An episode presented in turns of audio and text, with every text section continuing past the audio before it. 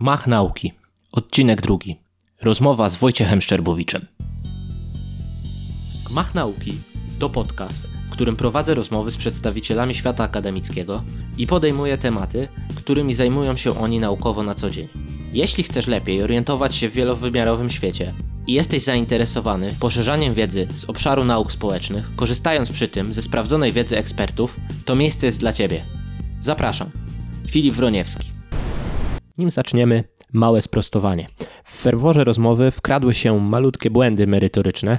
Za każdym razem, gdy wspominam Radę Państw Arktycznych, chodzi mi o Arctic Council, czyli Radę Arktyczną. Dodatkowo pada stwierdzenie, że ludność Arktyki stanowi jedną dziesiątą populacji świata, gdy w istocie jest to jedna dziesiąta, ale procenta ludności na świecie. Błędy naprawione, zastrzeżenia poczynione, to teraz zapraszam i miłego odbioru. Globalne zmiany klimatu coraz widoczniej wpływają na ludzkie życie. Wzrost średniej rocznej temperatury sprawił, że topniejące lody północy odsłoniły dostęp do dotychczas nieeksploatowanych złóż oraz pozwoliły na wytyczenie nowych szlaków morskich. Ten stan rzeczy sprawił, że Arktyka stała się przedmiotem zainteresowania mocarstw, a jej rola ulega zmianie. Czy Ocean Arktyczny stanie się nowym Morzem Śródziemnym, wokół którego będzie rozwijać się handel i współpraca, czy może raczej będzie areną zwiększających się sporów? Te i inne zagadnienia przybliży nam dzisiaj nasz gość, zajmujący się w swojej pracy naukowej kwestią stosunków Stosunków Międzynarodowych w Arktyce, pan Wojciech Szczerbowicz, doktorant na Wydziale Nauk Społecznych Uniwersytetu Wrocławskiego, pasjonat Arktyki, który na swoim koncie ma publikacje na ten temat, a w swojej praktyce dydaktycznej zajmuje się również trendami w obecnych stosunkach międzynarodowych. Dzień dobry, panie Wojtku. Dzień dobry. Czy wszystko się zgadza? Czy przedstawiłem właściwie pana? Wszystko się zgadza. Na razie wszystko się zgadza. Okej, okay, super. Jak już sobie tutaj w takim small talku przed nagraniem mówiliśmy, Arktyka jest mało popularnym obszarem do badań. W przeciwieństwie na przykład do Bliskiego Wschodu, mało się o niej w polskim dyskursie pisze. Można powiedzieć, że zaryzykuję taką tezę, że jest to taki obszar dla koneserów. Stąd moje pierwsze pytanie, czy pan w życiu prywatnym, będąc pasjonatem Arktyki, też na przykład woli zimę od lata, czy zupełnie z innych powodów wzięło się zainteresowanie tym tematem badawczym? Tak, to jest dobre pytanie w głąb, w głąb mojej psychiki. Muszę powiedzieć, że w lecie na pewno ponad 21 stopni to już jest dla mnie za gorąco. Także jest to na pewno związane z zimą. No, kto nie lubi zimy? E, wszyscy? Dobrze, no to czyli mamy już pewien asumpt do dyskusji.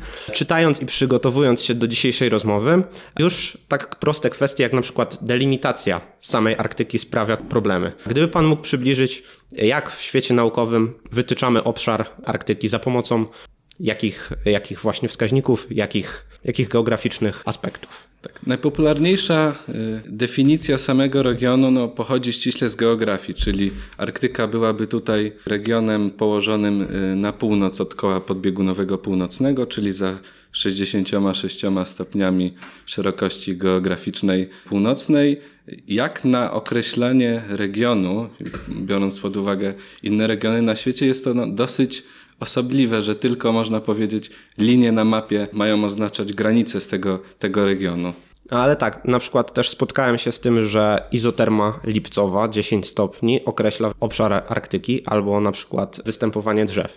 Więc to ma ściśle, ścisły związek powiedzmy z innymi naukami. Na przykład pewna delimitacja Arktyki ogranicza na przykład e, państwa takie jak Szwecja czy Finlandia do udziału w sprawach związanych z Arktyką.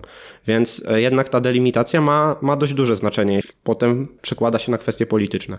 Oczywiście, wychodząc od kwestii naukowych, tutaj na pewno międzynarodowe programy, tak międzynarodowych y, instytucji naukowych czy związanych z ochroną środowiska przyjmują różne y, granice Arktyki, no z tego względu, że wiadomo, linia na mapie nie zawsze oznacza występowanie określonych roślin, zwierząt czy różnych stref na, na oceanie. A wychodząc od kwestii politycznych, no to na pewno jasne określenie granic Arktyki no, ma związek z tym, jakie państwa uznajemy za państwa arktyczne i mówiąc już tak realistycznie, jakie będą dzielić ten tort arktyczny. Okej, czyli zaczęliśmy od pewnego konstruktywizmu społecznego, skończyliśmy na realizmie. Gdy spojrzymy na mapę, to Arktyka różni się znacząco od na przykład, tak jak już wspomniałem, Bliskiego Wschodu, bowiem mamy tam morze i nieliczne wyspy, w tym bardzo dużą Grenlandię. I spory, które tam się toczą, są determinowane przez prawo morza, a nie przez prawo dotyczące sporów na lądzie. Więc na przykład zauważyłem, że w takim dyskursie, ale powiedzmy publicystycznym, jest dość duży problem ze zrozumieniem kwestii arktycznych, więc gdyby mógł Pan parę słów temat prawa morza i o tym, jak to prawo wpływa właśnie na rozstrzyganie sporów, ponieważ delimitacja na przykład specjalnej strefy ekonomicznej i walka o poszerzanie tego szelfu kontynentalnego i wody, które nad nim leżą, to jest właśnie ten główny aspekt sporu, prawda? Oczywiście no, temat właśnie delimitacji i co się z tym wiąże, może określonych też roszczeń terytorialnych. Jest to temat na pewno bardzo medialny, e, jeśli chodzi o Arktykę. No, Arktyka jest takim dosyć specyficznym regionem, że mamy tutaj e, jednak ocean otoczony lądem, co jest e, też mało oczywiste, kiedy określamy inne regiony na planecie. Obszar za kołem podbiegunowym północnym stanowi tak naprawdę 4% powierzchni Ziemi, łącznie jeśli chodzi o ląd, lądy i oceany połowę to już y, samej powierzchni lądu za kołem podbiegunowym północnym jest to powierzchnia Rosji. I teraz, zgodnie z konwencją o prawie morza, państwa mają suwerenne prawo do wyznaczenia wyłącznych stref ekonomicznych do, do 200 mil morskich od swojego brzegu. Więc y, kiedy zgodnie z konwencją zostało to zrobione, tak naprawdę tylko centralna część Oceanu Arktycznego pozostała wodami międzynarodowymi, przez co jest zarządzana już ściśle właśnie z postanowieniami konwencji o prawie morza, a pozostały obszar całego, całego tego regionu stanowi tak naprawdę suwerenne terytorium państw, zależnie czy to jest ląd, czy to jest morze. I teraz właśnie co do roszczeń terytorialnych, to przy konwencji o prawie morza powołano Komisję Granic Szelfu Kontynentalnego.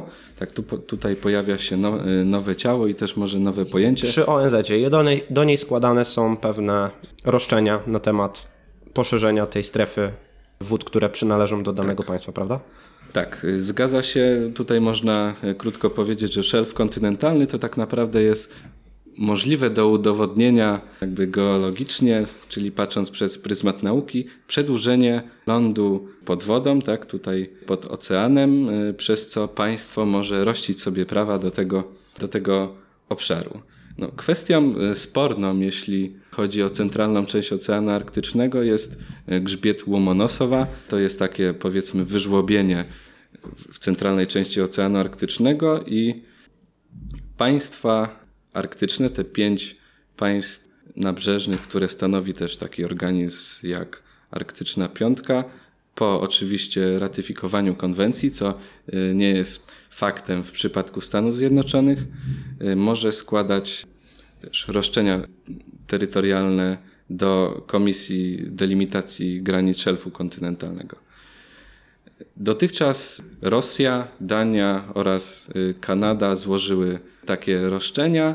Oczywiście no, każde z nich ukazuje badania, które mają dowodzić, że to właśnie grzmiet Łomonosowa jest przedłużeniem czy to terytorium Grenlandii y, podwodnym, y, czy, czy Rosji, czy Kanady. Więc to tak w skrócie, jeśli chodzi o ten szelf kontynentalny. Okej, okay, czyli ustaliliśmy, że mocarstwa arktyczne, państwa arktyczne walczą. Ale dlaczego walczą? I teraz ważny jest ten powód. Powiedziałem we wstępie, że właśnie zmiany ekologiczne, zmiany klimatu globalne zmieniły rolę w pewnym sensie Arktyki. I teraz e, okazuje się, że w tej Arktyce, za kołem podbiegunowym, istnieją nieeksploatowane złoża surowców, 30% gazu ziemnego i około 10% niewydobytych do tej pory złóż ropy. A dodatkowo mamy tą kwestię tego, że po Oceanie Arktycznym można po prostu przeprowadzić szlaki handlowe, które ułatwią, ułatwią komunikację. Czy te dwie kwestie sprawiają, czy to są jedyne dwie kwestie, które sprawiają, że istnieją i rodzą się nowe spory w obszarze Arktyki? Tak naprawdę, jeśli chodzi o usłyszenie o Arktyce w mediach, warto tutaj powołać się na lata 2005-2008.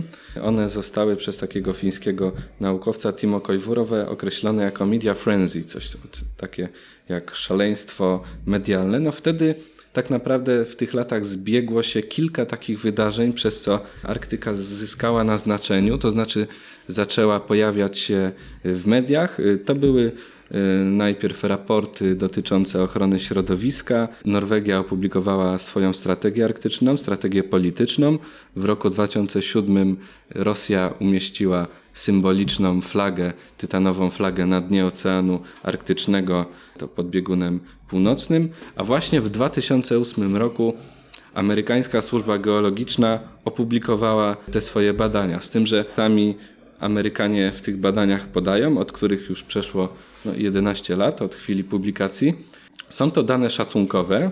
Większość tych złóż ma, ma być na dnie oceanu, i znowu większość tych złóż y, leży już właśnie w wyłącznych strefach ekonomicznych państw arktycznych, czyli tych y, strefach suwerennej, y, suwerennej władzy państwowej. Okay, czyli złoża nie są takim aspektem, w którym państwa mogą walczyć, ale pozostaje jeszcze ten aspekt komunikacyjny, czyli przejście północno-wschodnie, przejście północno-zachodnie, które zdecydowanie skraca drogi handlowe między, między różnymi państwami. Przyjmuje się, że prawda, lody e, na Oceanie Arktycznym znikną do końca tego stulecia prawdopodobnie. Tak pisał e, Janusz Simonides, o ile dobrze pamiętam. Więc czy właśnie największe państwa takie jak Rosja i Kanada, które będą najwięcej korzystały z możliwości prowadzenia szlaków handlowych na terenie Arktyki, czy ten aspekt jest aż tak konfliktogenny Pana zdaniem, że może wywołać spory właśnie w tym regionie? Albo czy e, konflikty w tym regionie mogą przelać się na spory w innych częściach świata? Mhm. Na początek powiem, że podoba mi się dobór tematów, bo oczywiście je, jeśli rozmawiamy o, o tych aspektach gospodarczych w Arktyce, to oczywiście eksploatacja złóż surowców y, mineralnych oraz y, szlaki komunikacyjne to są te właśnie y, light, light motywy. Jeśli mówimy o gospodarce w Arktyce, to jednak obraz faktyczny przeczy trochę tej, tej narracji medialnej o arktycznej gorączce czy innych tematach z tym związanych. Za kołem podbiegunowym północnym mieszka około 1 dziesiąta populacji świata, która generuje pół e, procenta światowego PKB. No jest to w skali oczywiście całego świata względnie e, mało.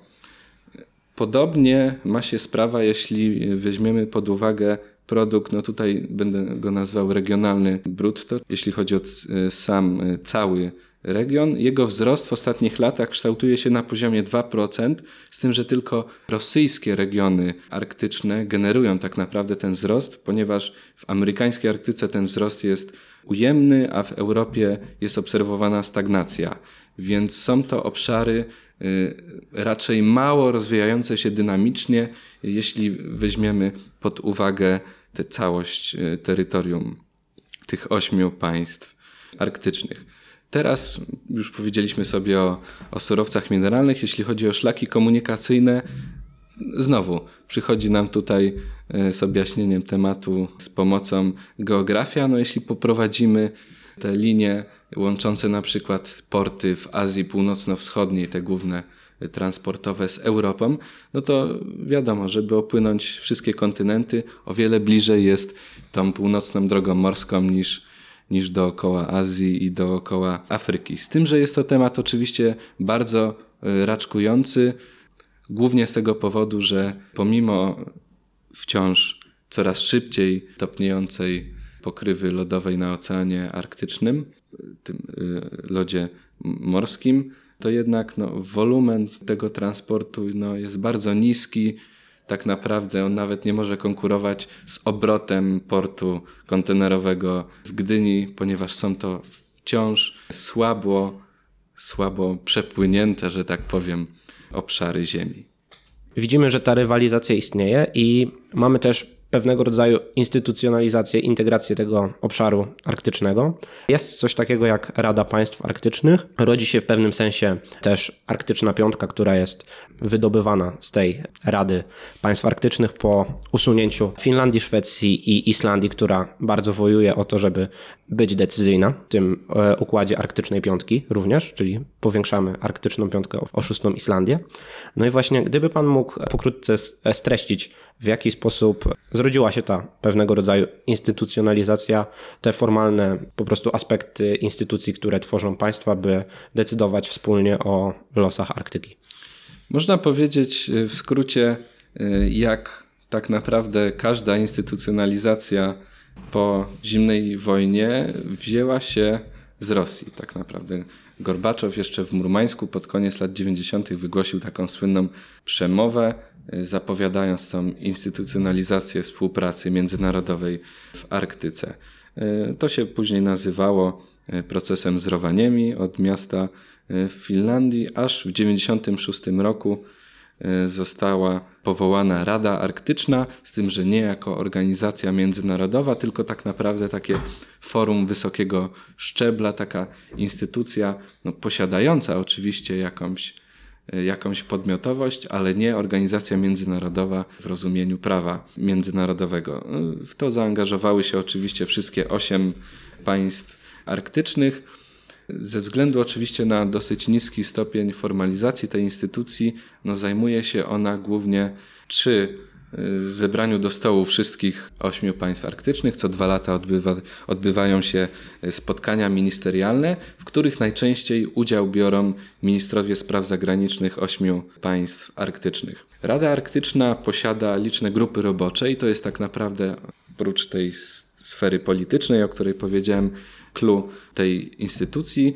Te grupy robocze zajmują się ochroną środowiska, w pewnym stopniu też rozwojem ekonomicznym regionów polarnych oraz, co warto tutaj podkreślić, ludami tubylczymi, które, co jest tutaj też czymś y, niespotykanym, jeśli chodzi o inne instytucje na świecie, ludy tubylcze mają status tak naprawdę członków tej rady, więc biorą udział we wszystkich jej spotkaniach i pracach na równi z państwami, chociaż oczywiście to państwa później mają głos decydujący przy ustalaniu różnych porozumień.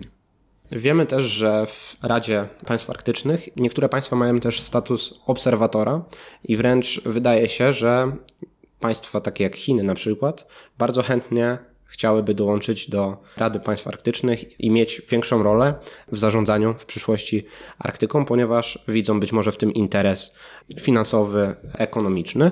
Więc czy być może według Pana ta Rada Arktyczna w przyszłości zwiększy swoją integrację w ten sposób, że bardziej się sformalizuje, będzie jakimś organem decyzyjnym, czy te, ta różnica interesów jest na tyle duża, że być może do tego nie dojdzie, ponieważ państwa nie chcą się wiązać jakimiś specyficznymi umowami, by potem móc z nich łagodnie wyjść, jeżeli będzie coś nie po ich myśli. Bardzo ciekawe pytanie i takie same pytanie zadają sobie e, politycy oraz inni decydenci w państwach arktycznych i poza. To znaczy, mamy już coś takiego jak obserwator przy Radzie Arktycznej. I obserwatorem, których Obserwatorów jest, można powiedzieć, już y, prawie kilkudziesięciu.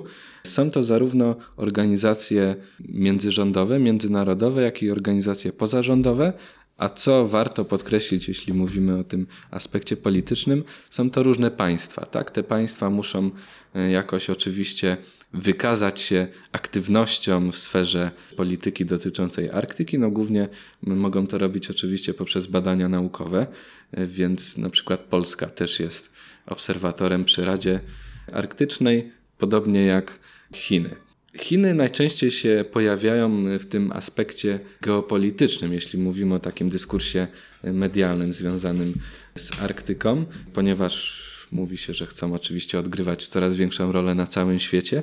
No, podobnie jest w Arktyce, z tym, że należy też podkreślić, że ten governance, czy, czy na przykład Rada Arktyczna, czy Arktyczna Piątka, oczywiście o wiele mniej sformalizowana, działają jako no, takie ekskluzywne kluby. To znaczy, że tak naprawdę członkostwo jest tutaj zamknięte. Tak? Członkami Rady Arktycznej są państwa arktyczne i tutaj nie da się do, do tej grupy Nie ma gdzie wbić szpilki.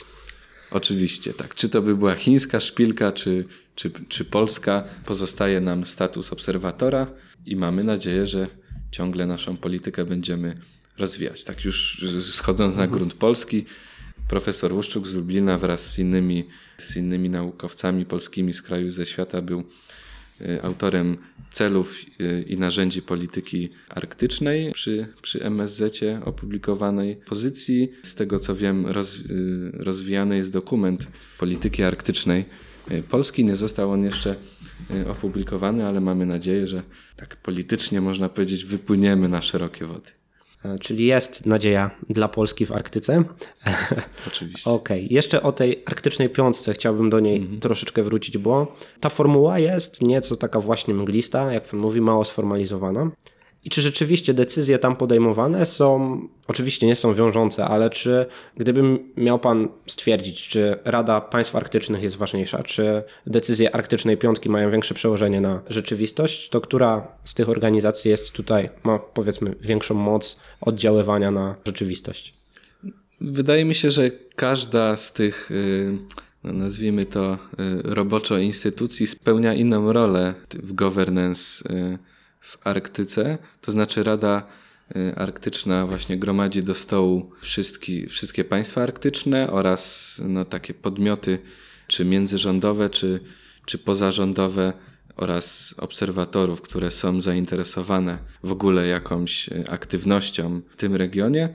Natomiast Arktyczna Piątka, to też trzeba podkreślić, Nazwa jest oczywiście bardzo medialna, bo jest to tak naprawdę pięć państw, które mają bezpośredni dostęp do Oceanu Arktycznego, czyli dzięki Alasce Stany Zjednoczone, Kanada, Dania dzięki Grenlandii, Norwegia i Rosja. I tak naprawdę ciężko przedstawić tutaj jakiś kalendarz wydarzeń, czy, czy y, ciężko opisać tutaj jakąś grupę. No jeśli nazwać y, tą grupę, jeśli nazwać Arktyczną Piątkę instytucją, no to y, zgodnie, o poruszymy tutaj kolejny aspekt, może teoretyczny, zgodnie z neoinstytucjonalizmem, instytucją może być zarówno Unia Europejska, jak i kolejka w sklepie.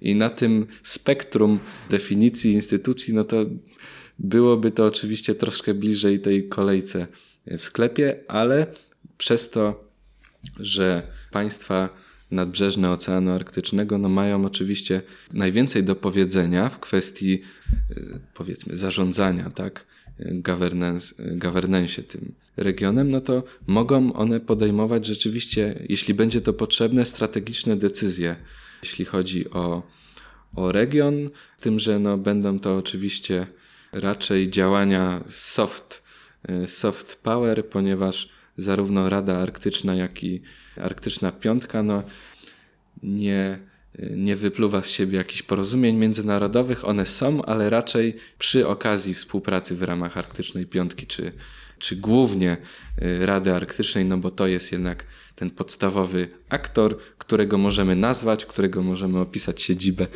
y, jeśli chodzi o governance w Arktyce.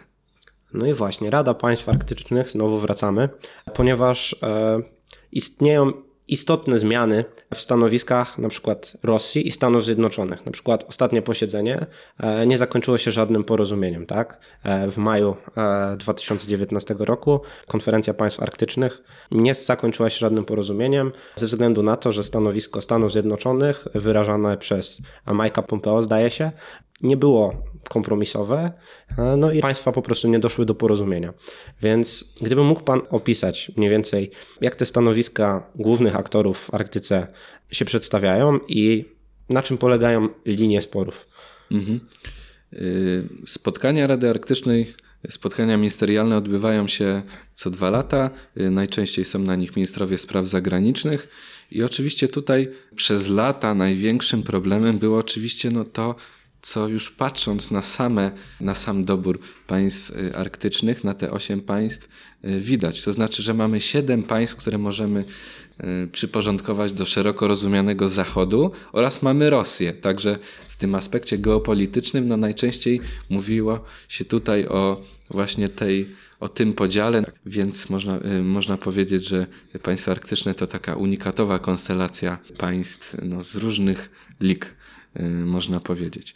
I właśnie, przez lata uważało się, że takim hamulcowym do współpracy w regionie arktykim może być Rosja. To oczywiście też głównie była narracja zachodnich mediów, więc ciężko tutaj oczekiwać też w tej dobie napięć y, międzynarodowych po kryzysie na Ukrainie, żeby media też pisały inaczej, ale głównie obawiano się tej rosyjskiej mocarstwowości. Otóż po dojściu Donalda Trumpa do, do władzy w Stanach Zjednoczonych, ta polityka amerykańskiej administracji no, również się zmieniła. I właśnie na ostatnim posiedzeniu, na spotkaniu ministerialnym y, Rady Arktycznej w Rowaniemi w tym roku, y, nie miało miejsca na końcu tego spotkania uchwalenie wspólnej deklaracji tych państw y, arktycznych, to było przez lata jakby standardem, tradycją, że na końcu tego, każdego spotkania jest wspólna deklaracja i z tej deklaracji nie, nie wyłamała się Rosja, tylko wyłamały się Stany Zjednoczone, a główną osią sporu było same pojęcie zmian klimatu. To znaczy, że po prostu administracja amerykańska nie chce w ogóle tego używać, Chociaż jak popatrzymy na pracę grup roboczych Rady Arktycznej, y, to oczywiście udział w niej, w niej biorą no, amerykańscy naukowcy, amerykańscy klimatolodzy i tak są czołowi na świecie i oni oczywiście podkreślają, jak wszyscy inni naukowcy z innych państw, że zmiany klimatu mają miejsce i są głównie spowodowane przez, y, przez y, człowieka. Także sam jestem ciekaw, jak będzie się rozwijać tutaj sytuacja jeśli chodzi o współpracę w Radzie Arktycznej no, za prezydentury Donalda Trumpa, no, jeśli chodzi o inne osie sporu, które mogą wynikać ze stosunków międzynarodowych w Arktyce, no też naprawdę ciężko tutaj dopatrywać się jakichś problemów, które mogą rodzić jakiś przyszły konflikt, tak? Ktoś kiedyś powiedział, że trzecia wojna światowa rozpocznie się e, w Arktyce. No ja, ja chciałbym zapytać, e, zapytać dlaczego. Dobrze, czyli widzimy, że spornymi kwestiami są te kwestie ekologiczne. I właśnie, mamy sytuację Arktyki i mamy sytuację Antarktydy, która jest objęta pewnymi generalnymi zarządzeniami, takimi, że nie można tam dokonywać eksploatacji złóż ani żadnego ty tego typu działalności. Czy widzi Pan w ogóle szansę, by Arktyka poszła drogą Antarktydy i też wprowadziła jakieś rozwiązania, powiedzmy proekologiczne, które zabraniałyby eksploatacji i siłą rzeczy wyłączałyby możliwość konfliktów, czy według Pana to jest niemożliwe? Mhm. Gdybyśmy zadali takie pytanie na przykład na ostatnim spotkaniu ministerialnym Rady Arktycznej w Rowaniemi, czy utworzyć traktat, który, który ma zarządzać jakby właśnie całym regionem, krótka odpowiedź od każdego z uczestników byłaby po co? Nie, właśnie. Są to y, Arktyka, jak i Antarktyka to są obszary podbiegunowe. E, z tym, że tak jak już mówiłem wcześniej, Arktyka jest no, w głównej mierze terytorium suwerennych państw e, z, z centralnym Oceanem Arktycznym jak, jako wodami międzynarodowymi, to już zarządzanymi przy konwencji o prawie morza. Warto podkreślić, że tak naprawdę 99,9% lądu w Arktyce jest już określona co do statusu terytorialnego. Tam mamy takie pomniejsze spory terytorialne, pomijając może ten, tą centralną część Oceanu Arktycznego, jak, jak wyspa Hans między Grenlandią a, a Kanadą, to tak naprawdę dotyczy tylko y, no, suwerennością nad żeglugą właśnie w tych, w tych cieśninach wokoło, y, wokoło kanadyjskich. Jeśli chodzi o Antarktykę, szerzej też jako region, no to jest to ląd który nie należy do żadnego kraju, więc wszystkie państwa musiały ustalić jakiś sposób działania na tej powiedzmy ziemi niczyjej. Tak jest to wspólne dziedzictwo y, ludzkości. Oczywiście mamy też roszczenia terytorialne związane czy z odkryciami, czy z badaniami w Antarktyce, ale jest to zamrożone przez y, system traktatu antarktycznego, więc ciężko sobie wyobrazić, że państwa miałyby zrezygnować ze swojej suwerenności, tu już przechodząc do, do Arktyki i robiąc coś na, na miarę traktatu antarktycznego, y, ponieważ nie widzę tutaj żadnych pozytywów, które właśnie te zainteresowane strony miały, miałyby z tego y, wynieść. No, traktat na pewno odsunąłby to jądro polityczne od, od państw arktycznych, a no chyba nikt nie chce rezygnować w taki sposób z, ze swojej suwerenności. Okej, czyli zbyt utopijna wizja, ale pozostaje jeszcze jedna kwestia, której tutaj nie omówiliśmy, czyli ludy mieszkające poza kołem podbiegunowym i ich sytuacja. Jak pan podkreślił, są one stroną przy e, Radzie Państw Arktycznych.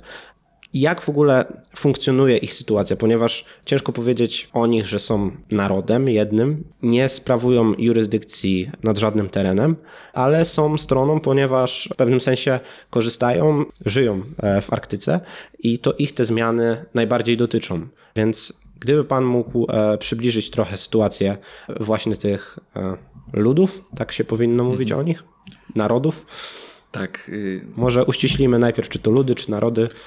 To ludy tubylcze, ludy autochtoniczne, y, tak w nomenklaturze y, naukowej takie, takie określenia występują. W ogóle jeśli rozmawiamy o Arktyce, to y, jeśli spytamy kogoś na ulicy, to myśli, że to jest właśnie taki zimny, niedostępny region, gdzie tak naprawdę nikt nie mieszka. A jak, jeśli, jak już ustaliliśmy sobie te granice Arktyki za za terytorium za kołem podbiegunowym północnym, no to okazuje się, że w Arktyce mieszka 4 miliony ludzi, w tym 2 miliony ludzi w regionach y, arktycznych w Rosji, y, a tak naprawdę 10% z tych 4 milionów stanowią ludy tubylcze, czyli ludy, które żyły tam dawno przed, y, przed Europejczykami. Więc będzie to no, kilkaset tak naprawdę y, tysięcy ludzi, co w skali całego regionu jest też oczywiście dosyć, dosyć y, rozproszone i jest to na pewno mniejszość, jeśli chodzi o każdą, każdą populację w każdym regionie Arktyki. Ludy tubylcze czy ludy autochtoniczne są, tak jak już powiedziałem, stałymi uczestnikami, to się nazywa permanent participants w pracach y, Rady Arktycznej. Są one reprezentowane, ich głos jest y, słyszany. Kwestie y, życiowe ludów tubylczych są y, obecne najbardziej oczywiście w narracji trzeciego sektora, czyli w organizacjach pozarządowych, które oczywiście chcą dbać i pielęgnować te ludy. Więc y, jest to mniejszość. Też należy podkreślić, że ze względu na swój często no, tradycyjny sposób życia, który nie zmienia się oczywiście przez, przez lata, przez setki lat, no, są one najbardziej narażone na wiele rzeczy, na wykluczenie, oczywiście na problemy gospodarcze, ale też y, kwestie zmian klimatu, czyli na przykład erozja wybrzeża. No to też najbardziej y, dotyka w naturalny sposób tych rybaków y, z wybrzeży Oceanu Arktycznego. Okej, czyli większość kwestii już poruszyliśmy. Chciałbym, żeby na koniec Pan pokusił się o pewne predykcje na przyszłość i o pewną właśnie swoją wizję tego, jak będą rozwijać się stosunki międzynarodowe w Arktyce i czy rzeczywiście uważa Pan, że to jest obszar, w którym dojdzie do sporu, czy też odwrotnie będzie to obszar rozkwitu ekonomicznego z różnych względów, o których mówiliśmy wcześniej. No, na początku powiem, że wygłaszanie sądów o przeszłości ma to do siebie, że najczęściej się pó- później wychodzi na osobę niemądrą, ponieważ jest wiadomo wiele scenariuszy, które mogą, które mogą się ziścić. To znaczy, oczy- oczywiście zależy, którą perspektywę tutaj y, przyjmiemy, z tym, że wydaje mi się, że zarówno realiści, liberałowie, jak i inne nurty teoretyczne no, będą tutaj raczej zgodni z tym, że na pewno w inny sposób dojdą, dojdą do tych konkluzji, że y, no przywołajmy, ta realistyczna zasada status Quo. quo zostanie zachowana, ponieważ wszystkie państwa arktyczne na pewno y, byłyby za tym, byłoby to im na rękę, że tak jak y, już powiedziałem, Większość terytorium Arktyki jest suwerennym y, terytorium państw arktycznych, a centralna część jest wodami międzynarodowymi, z tym, że też jest ona zarządzana przez, przez konwencję o prawie morza. Mamy oczywiście y, roszczenia terytorialne, ale one też zostaną załatwione w sposób zgodny y, z prawem y, międzynarodowym. Jeśli chodzi o kwestie, które najbardziej, można powiedzieć, też bulwersują y, opinię publiczną, czy, czy y, podkreślają ten temat konfliktów w Arktyce, no to są najczęściej manewry wojskowe, które też odbywają się oczywiście na terytorium tych, tych państw. Mamy oczywiście jakieś tam złamania y, granic, głównie jeśli chodzi o, o Rosję, no ale to działo się zawsze, tak od kiedy alianci w 1945 roku już się rozłączyli, więc takie spory oczywiście istniały. Arktyka jest regionem współpracy. To Warto podkreślić, że jeśli chodzi o stosunki Zachód-Rosja po aneksji Krymu, po oczywiście kryzysie na Ukrainie, w wielu kwestiach zostały one zamrożone. To znaczy mieliśmy tutaj sankcje międzynarodowe nałożone na Rosję, a tak naprawdę Arktyka i przestrzeń kosmiczna są jedynymi tymi właśnie dwoma obszarami, w których e, współpraca między Zachodem e, a Rosją tak naprawdę nie straciła prawie w ogóle po tym kryzysie ukraińskim, po tym napięciu na linii e, Zachód-Rosja, jeśli chodzi o e, Arktykę. E, Głównie, co tutaj widzimy, to no, postępujące zmiany klimatu, skutki zmian klimatu, które oczywiście są najbardziej obserwowalne w Arktyce ze względu na wrażliwość tą środowiskową tego regionu, Y, więc jeśli chodzi o jakąś pozytywną predykcję, to wydaje mi się, że należałoby po prostu ograniczyć te skutki y, zmian klimatu, ale to już oczywiście trzeba zrobić globalnie.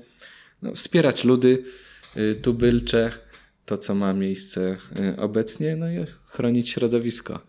I to są główne kwestie, które miałyby największe znaczenie w tych najbliższych latach, jeśli chodzi o Arktykę. Cieszę się, że ostatnie nuty naszego, naszej tutaj rozmowy wybrzmiały w sposób taki radosny, pozytywny, ponieważ miałem wrażenie, że przez całą rozmowę dążymy do tego, że e, wywróżymy tutaj jakiś globalny konflikt. Dziękuję panu bardzo za rozmowę, dziękuję, że poświęcił mi pan czas.